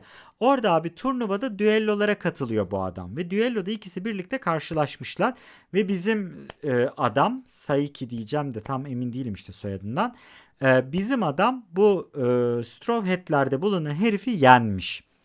Ve yendiğinden dolayı adamın bir derebeyinin samuray olma hakkı elinden alınmış. Şimdi biz direkt klana doğmayız. Yani babamız ölmüş bilmem ne ölmüş ama biz dayımızın altında klanda hani klanın ikinci evladı olarak yaşamaya devam ediyoruz. Benim buradan anladığım şey eğer tarihsel olarak doğru bir referanssa bu. Sen soylu olmayan birisi olarak kılıç konusunda kendini geliştirdiysen aynen orta çağdaki e, Avrupa'daki şövalye kültüründe olduğu gibi bir seviyeye kadar tabii ki asla Kingsguard falan olamazsın muhtemelen de en azından bir dereceye kadar nobleman'la adım atabiliyorsun. Burada da abi eğer o e, turnuvadaki dövüşü bizim Strawheads elemanı kazanmış olsaymış anladığım kadarıyla herhangi bir aile tarafından klana dahil edilen bir samuray olabiliyormuş. Bir de böyle bir detay vardı mesela. Hani genel olarak bunu e, şeyde oyunda tecrübe ettik ilk ekte. Çok o yüzden hani sürpriz bir şey değil bu. Abiciğim o kısmını çok bilmiyorum. Oyuna biraz bakmak lazım tabii yani oyundaki hikaye falan ama abi Ronin çok basit bir kavram abi aslında. Abi şimdi şöyle bir vaziyet var. Şimdi e, senin bir daimyon var. Sonuçta dediğim gibi derebeyine hizmet ediyorsun. Ee, ve senin sana verilen bir e, şey, arazi var. O arazinin de sahibi gibisin. Sen Smart Spy örneğinin doğru olduğu kısım burada. Yani oranın şey ekimi biçilmesiyle de işte iş, işte oranın toplanmasıyla işte onun vergisinin verilmesiyle falan filan ilgili de senin sorumlulukların var. Şimdi abi eğer bir şekilde senin e, sahibin ya da işte ustan şeyin amirin ölürse ve başka birisinin hizmetine girmezsen Ronin oluyorsun. Ronin abi şey gezenti gibi bir anlamı var. Yani şöyle serbest takılan falan gibi bir anlamı var Ronin sözcüğünün teknik olarak. Abi şöyle bir vaziyet var. Bu adamlar yerine göre beş parasız kaldığı için ve hala kendi sonuçta e, önceki hayatlarından kalan ekipmanlara bakınız kılıç falan vesaire sahip olduğu için ve aynı zamanda yetenekleri vesaire eğitimleri sahip oldukları için haydutluk yapmaya da meyilli insanlar olabiliyorlar yerine göre. Hı hı. Ee, ama şey var tabii ki yani hani e, dediğim gibi bu adamlara sonuçta bir şekilde birebir kavga etmek istemeyeceğin insanlar bunlar. Çünkü eğitimliler, güçlüler. Ee, çektikleri zaman kılıçlarını kan akıtmadan yerine koymayabilirler yani o konuda iyiler. Ama işte sonuçta şey şeysi var. Hani Ronin'lerin başka bir e, master seçme e, şeysi var. Ona hizmete hizmetine girme ve yine eski şeylerine sahip olma hakları var. İlla ölmesi gerek yok tabii ki kendi şeylerin, dayım yollarının veya derebeylerinin. E, şey de olabilir. Abi artık bu benim gözümden düştün. Buradan git diyor mesela adam sana. Bağlılığın zedeleniyor. Dolayısıyla işte çeşitli avantajlarını kaybediyorsun o işte bölge içinde diyeyim sana. İşte toprağını kaybedebilirsin işte o gündelik hizmetini kaybedebilirsin. Sonuçta bunun bilinmesi bile seni Ronin yapmaya yetiyor şey anlamında. Çünkü şey var hani sonuçta sen abi gelenek olarak işte Bushido sebebiyle işte senin ustanı sen koruyamadın da öldüyse özellikle mesela abi zaten hemen karnını yarıyorsun ölüyorsun yani hani falan filan. Ama e, şey yapabilirsin. Serbest takılabilirsin. Haydutlukla yapmayabilirsin ama sonuçta bir şekilde hayatını kazanman lazım. O zaman ne yapacaksın hani? Çünkü öteki türlü tarlan vardı, bir şeyin vardı, bir yerden sorumluydun ve bir gelirin vardı. Şimdi aç mı gezeceksin? İşte o sonra da başka çözümler buluyor. O yüzden Ronin karakterleri genellikle şey diye çizdir böyle hani hakikaten kötü yola düşmüş e, olarak resmedilir. Çünkü e, toplum öyle manyak ki başka anladığım kadarıyla bunlara başka seçenek zaten vermiyor. Hani sen Rollins'in gel benim korumalımı yap deyip işte e, herhangi bir işte nasıl diyeyim sana tüccarın yanına girmiyor bu adamlar büyük ihtimalle yani. Öyle bir sıkıntı var. Dolayısıyla e, sevilmemelerinin veya bu şekilde kötü gösterilmenin sebebi de genellikle bu yani. De- dediğin gibi bir şey e, zaten yani direkt hatta dediğin gibi değil doğrudan doğruya dediğin oyunda benim gördüğüm haliyle birebir yansıyor. Çünkü Straw Hats grubu Ronin'lerden oluşuyor ve açlar. Hakikaten açlar. Yani zaten anlattığı gibi Tsushima'da herkes aç. Bir bizim karakter nedense aç değil. Onun dışında herkes aç. Anlayabilmiş değilim gerçekten. Yolda yürüyorsun mesela bir tane geyik geçiyor. Geyik sana yaklaşıp açım ben diyor gidiyor mesela. Öyle bir açlık var. Roninler de aç. Hatta gerçekten onlarla bir süreçte yaptığın görevler hadi şuradan yemek bulalım. Moğollardan şu yemeği çalalım. Abi işte hükümete saldırma. Gel bak seni Moğollara saldırtalım. Bak Moğollar şu gemide yemek tutuyor olabilir. Gel bak şuradaki lighthouse'a gidelim. Orada yemek vardır bilmem ne. Bak onu söyleyince aklıma geldi. Alakasız bir lighthouse'a çıktım. E, Lighthouse'un orada bir tane e, monkla karşılaştım. Rahiple karşılaştım. Yani keşişle. Abi keşiş dedi ki burada işte yemek zehirli. Ben bu yemeği zehir yakacağım. Buradan 3 kişi çıkmıştı. O 3 kişiyi yolda bulabilirsen şunu ver ilacı ver bunlar iyileşsinler. Abi gidiyorsun üçünün acı içerisinde kıvranmış cesetlerini buluyorsun yakıyorsun. Ondan sonra onları yaktığını anlatıp acıyı bir kez daha şişirerek paylaşmak için keşişin yanına dönüyorsun. Abi neden? Niye bütün yani bir kere de bir quest'in sonunda mutlu son görsem çok mutlu olacağım ama yok hiç göremedim daha. Ee, gerçekten yani 23 24 yeni 23'ünü liberate ettim. Daha bir tane keyifli bir son göremedim herhangi bir görevde. Hani e, şeyde ama bu arada gerçekten oyun bam gün vurmak, kırmak etmek için güzel. Ee, şey var, standoff olayı var. Herhangi bir grup düşmanı görüyorsan oyun bazen algılıyor, bazen algılamıyor onu. Neye göre karar veriyor bilmiyorum. Standoff seçeneği çıkıyor. Basıyorsun abi. Sen kılıcın kınında bekliyorsun şeyin sana açık tabi yani onun teknik adını sorayım sana zaten de.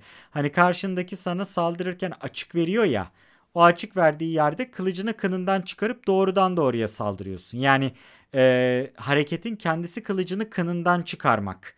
O çıkardığında yaptığın savuruş doğrudan doğruya ilk düşmanını kesiyor. Yeterli skill puanını verirsen tek seferde 3 kişiyi alabiliyorsun. Yani birini alıyorsun. O esnada yanından bir tanesi koşuyor.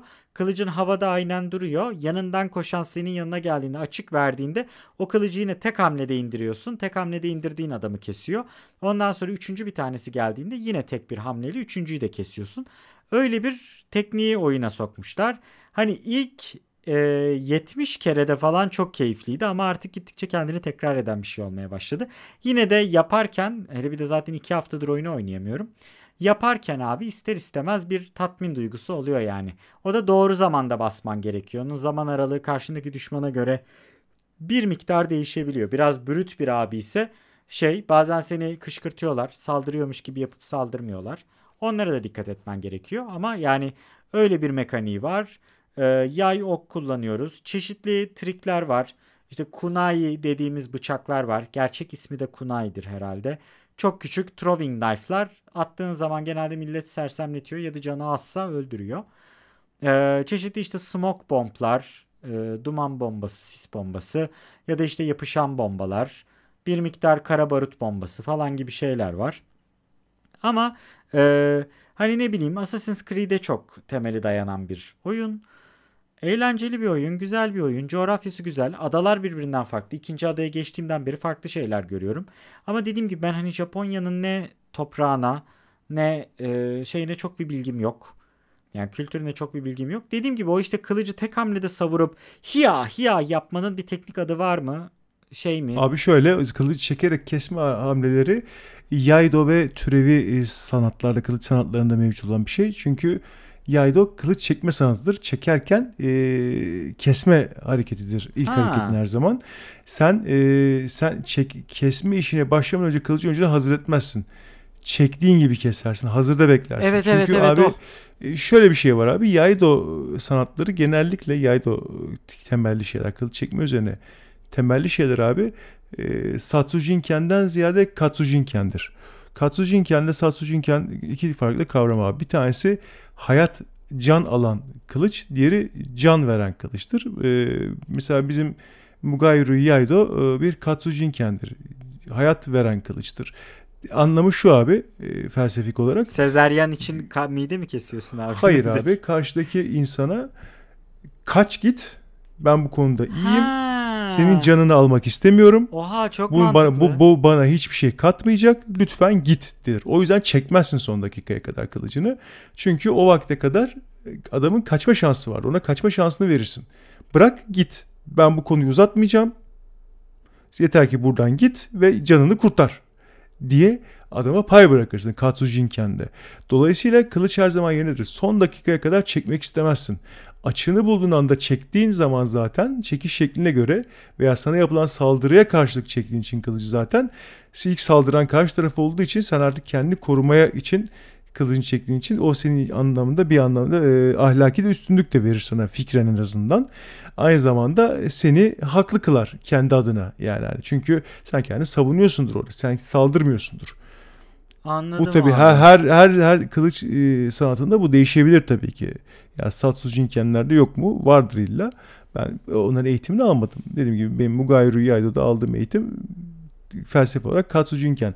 Hayat bahşeden kılıç. Yani kaç canını kurtar ben bu kılıç çekmek istemiyorum. Şimdi Her zaman odur. PlayStation kapalı oradan açıp bakmıyorum. Önceden de hani yalan değil hazırlamadım. Gerçekten bir önceki hafta e, sınavlar bu hafta da genel olarak geri kalan şeyleri toparlamak derken Çok da fazla oynayamadım ama hatırladığım kadarıyla skill'leri verirken şey var. Karakterleri bazen çok vahşi şekilde öldürebiliyorsun. Yani işte son hamlesinde falan. Onu yaptığın zaman başkalarına korku saldığın bir şey var. Ama keşke mesela standoff yaptığında karşındaki karakter... Çünkü şöyle bir şey var abi. Moğolların da tipleri üzerinden ya da bazen banditlerin hani buradan Skyrim'e bir örnek vereceğim. Skyrim'de şey vardı. Sen abi olmuşsun level 78 bilmem ne. Adamın karşısına işte özel kristal baltayla çıkıyorsun. Adam karşına gelip sıradan bandit üstünde hala e, işte e, fur ne fur post ha hayvan postundan bir tane zırh var. Bir senin paranı alacağım diyor. Abi ne yapıyorsun? Yani ha bir bakarsın ben senin paranı alacağım diyecek adam mıyım? Mesela benzer şekilde de o kıyafetle karşısına çıktığında insanlar böyle bir korksa e, şey yapsalar vesaire yapsalar daha iyi olmaz mı? Çünkü gerçekten hani bir açıdan bakarsan e, karakterlerin bunları görüp bir böyle panik bir vesaire yapmaları uygun olabilirmiş bu anlattığına göre. Yani karşısına çıkıp abi tamam yani bu abimiz çok güçlü geldi. Kılıcını o kadar güzel tuttu ki deyip. Çünkü oyunda şöyle bir farklılık var. Herkesi öldürdüğünde e, XP almıyorsun. Yani karakter başına XP almıyorsun. Herhangi bir olayı çözdüğünde XP alıyorsun. Yani e, bir yerle gel, bir yerle karşılaştın. Atıyorum 5 tane bandit, bir tane de elleri bağlanmış bir tane adam var. 5 banditi ortadan kaldırıyorsun, adamı kurtarıyorsun. Event bittiğinde eventin experience'ını alıyorsun. Mesela sen gerçekten çok seri bir şekilde 3 kişiyi tak tak tak kestiğinde diğerlerinin korkup kaçması senin gidip adamı kurtarman ve yine aynı XP'yi alman yapılabilirmiş. Bak bunu keşke düşünselermiş. Şimdi abi insanların salak olduğunu varsayarak biraz oyun tasarlamışlar o zaman. Sen adam kes diye saçmalık olmuş. Abi şey var çünkü sen çok rahat şekilde ilk kılıç şeklinde iki kişiyi çat diye yere seriyorsan üçüncü adam bakar ve kaçar abi yani. Hani evet. ölüyorsun lan ölüyorsun lan. Hani adam seni kesiyor. Ben bu adamla aşık atabilir miyim? Az önce iki, iki buçuk saniye içinde iki tane adam birinin kafasını yardı, diğerinin böğrüne soktu o kılıcı. Biri yerde can çekişiyor, biri suratındaki kanını temizlemeye çalışıyor. Gözleri kapandı kandan. E, bu herif beni ne yapar lan deyip orada hani mantıken gitmen lazım zaten. Yani hani öyle bir şey yok abi. O abi o standoff sıkıntılı bir şey yani. Şimdi biz Evet ya kültürel e, olarak şimdi, sıkıntılı olmuş durumda bu anlattığına göre. Abi kültüründe geçtim abi. Karşında kılıçlı bir adam var ve sana saldıracak. Şimdi abi sen bunu şeyle yapıyorsun mesela. Şimdi hocanla e, Kenjutsu çalışırken tahta kılıçlarla karşılıklısın. Ne yapacağını biliyorsun evet harekete çalışmışsın daha önce. Abi ama adam vuruyor sana yani hani onu bloklamak zorundasın. Ve orada o darbe yediğin zaman e, meşe kılıca, tahta meşe kılıca abi yani şey anlıyorsun. Ben bunu kafama yesem burada patlamıştım. Bu gerçek bir metal kılıç olsa ikiye bölünmüştüm diyorsun bu şiddetle yani hani. Hani şimdi onu bile yaşamış bir insan olarak sonuçta abi mesela bu adamlar kılıç tutuyorsa, elleri kılıç tutuyorsa bunun eğitimini almışlar tamam mı? Çocukken veya bir vakitte değil mi? Hani öyle varsayıyorum. Hı hı. Ortada Japonya'sındasın. Abi sonuçta birileriyle tahta kılıçta eğitim yapmışsın. Onun elini kaysa bile elini nasıl kıracağını bilen bir insansın. Karşında az önce iki kişiyi doğrayan bir tane adam var. İki buçuk saniye sürmüş bunlar ki o kadar sürer bu arada. Tabii tabii öyle gerçekten. İki buçuk üç saniye. O kılıç çekildiği zaman yerine iki üç saniye sonra zaten iki kişi yerde. Biri gözünü tutuyor olur. Bir de işte böğründeki delikle uğraşıyor. Nefes almaya çalışıyor olur. E, uğraşıyor olur. Sen üçüncü kişi olarak ben bu adama saldırayım demezsin abi yani. Ben demem bak çok net söylüyorum. Ve abi brüt falan geliyor yani. Hani normal tamam sadece foot soldier gelmiyor. Bayağı iri adamın elinde kocaman bir polarm var mesela. Polarm ile birlikte karşına dikiliyor senden iri ve sen tek kılıç hamlesiyle abiyi indiriyorsun. Onu indirdiğini gördüğün zaman milletin gerçekten kaçması lazım aslında. Abi öyle tabii ki çünkü sen canını kurtarmaya çalışırsın öyle bir durumda çünkü girmezsin abi. Bu çok net bir şeydir. Ama işte bu tür bu ayrıntılara girdiğin zaman abi şey durumu oluyor işte. Nasıl diyeyim sana e, oyun oynanabilirliği mi düşer zevki mi düşer işte emin değilim abi. O yüzden belki yapmamışlardır. Yoksa bu oyunu yapan insanlar hani e, Ortaçağ Japonyasını ve dövüş sanatlarını, savaş sanatlarını bilen bir insandan bilgi alsalardı bunun böyle olmayacağını zaten bilirlerdi abi. Çünkü dediğim gibi o kılıç çekildiği zaman sıkıntı çıkıyor yani. Hani o çektir ve karşıdaki insan özellikle bunu çekmeye niyetli değilse işi yani hani sen git abi bak bak son dakika kadar çekmiyorum. Kılıç elimde sana saldırmıyorum beni gördüğün zaman zaten kültürel olarak bu adamın niyetini anlarsın. Bu beni caydırmaya çalışıyor. Ben bu adamın yapacağı şey neyse yolundan çekilmeliyim, canımı kurtarmalıyım diye düşünüyor olman lazım. Kültürel açıdan da böyle düşünüyor olman lazım. Bu şey gibi abi her ülkenin kendisine göre bir sağduyusu vardır. Abi bir yerde motor sesi duyuyorsan İstanbul'da yaşıyorsan, İzmir'de yaşıyorsan abi sokağa caddeye atlamazsın. Çünkü hmm. o araba sana çarpar, frene basmaz. E, yurt dışında adamlar bu şekilde düşünmüyor. Ben caddeye adımımı attığım zaman nasılsa o motor sesi duysam bile adam duracak diye düşünüyor. Mesela hatta bu yüzden çocuğun biri ezilmişti yıllar önce Antalya'da. Alman turisti çocuğu şikayetçi de olmadılar. Ya bizim Almanya'da böyle değil Almanya güvende. Burada durmuyor insanlar falan filan dediler. Olay gitti yani. yani ailede vazgeçti dava ama açmadı diye hatırlıyorum. Yani yanlış hatırlıyor olabilirim. Neyse. Hani Dolayısıyla bunlar kültürel şeyler abi. Biz nasıl burada motor sesi duyuyorsak, araba motor sesi duyuyorsak, o caddeye adımımızı sokak arasında bile atmıyorsak, adam da orada, ulan herif böyle durdu karşımda kılıç çekmeden bekliyor ben bu adamın yolundan çekileyim sağduyusu orada da benzer bir şekilde Orta Çağ Japonya'sında devreye giriyor olmalı. Ama demek ki abi oyunla ilgili bir sorun çıkardı. Oyun, oyun, oyun gameplay ile ilgili bir sorun çıkardı da yapmadılar diye ben düşünüyorum. Oyun oynamadım ama e, büyük ihtimalle işte başka sıkıntı olacaktı falan filan. Mesela bir yani. de şey var benzer bir durumda. Gidiyorsun bir shipyard'a, shipyard'ı temizliyorsun. Büyük ölçüde adamları öldürüyorsun ama sonra geriye 3 kişi kalıyor mesela. 3 kişinin nerede olduğunu görmüyorsun. Ee, yine aynı standoff tuşuna bastığın zaman 3 kişiyi e, confrontation'a çağırıyorsun. Seninle kapışsınlar diye çağırıyorsun. Mesela öyle bir durumda abi e, yüzbaşısı dahil olmak üzere sen oradaki 16 kişiyi öldürmüşsün. Geriye 3 kişi kalmış. Bana birisi bağıracak. Geri kalanlar çıkın beri gelin karşıma diye birisi bağıracak. Abi ben kaçarım. Yani mesela bunu da gameplay'de nasıl çözersin? Kaçarlar. Ondan sonra dındırı dın dındırı dın dın müzik biter. Bizim karakter kendi kendine korkarak kaçarsınız tabii işte böyle falan der. Sonra diye experience alırız. Yani en azından 20 yere giriyorsan iki tanesinde bunu yapsan bir çeşitlilik olur aslında ama dikkat etmemişler belli ki. Eyvallah abi tahminen böyle bir durum var. Ghost of Tsushima'da biraz böyle güzel bir oyun demek evet, ki ama evet. işte dediğim gibi eksikleri var. Devamını oynayacağım. Devamında farklı bir şeyler yakalarsam, farklı bir şeyler görürsem yine senin e, engin bilgine ve yani bir, gerek bireysel deneyimlerine gerekse kültürel anlamdaki Japonların e, alışkanlıklarına dair yaklaşımına tekrar danışmak isterim. Çünkü hani oyunlarda en azından bu tür çıkan oyunlarda bu tür kalemleri değerlendirmek benim hep hoşuma gidiyor. Asla zaten %100 tarihsel bir gerçekçilik aramıyoruz. Ama en azından burada öğrendiğim bir şey nasıl Assassin's Creed 2 döneminde millet İtalya ve Rönesans kültürüyle e, sınavlara girip sınavlardan yüksek not alabiliyorlardı. Sırf oradaki karakterler, isimler vesairelere aşina olup. Yani bu tür şeyleri oyunlardan öğrenmekte de kötü bir şey yok. O yüzden hani gerçekten bunu daha sonra tekrar konu olarak taşıyabiliriz buraya bence. O zaman bu çokgen tekerinde sonuna doğru geliyoruz gibi görünüyor. Bu şeye aslında Apple'ın yeni cihazlarını da koyacaktık ama etrafta benchmark falan yok abi daha. Aynen abi evet. Gerçi aynı Yonga'yı da kullanmışlar. Biz M2'yi beklerken M1 şimdi iPad'e ve iMac'e girdi. Ee, teknik olarak iPad Pro e, iMac şey I, I, I, iBook diye isim MacBook, geldi ya. MacBook. MacBook Pro e, ve iMac bildiğin aynı şey oldu iPad Pro ile beraber. Çünkü sadece biçimleri değişik artık. Çünkü aynı işlemciye sahipler. Eskiden arada bir fark vardı.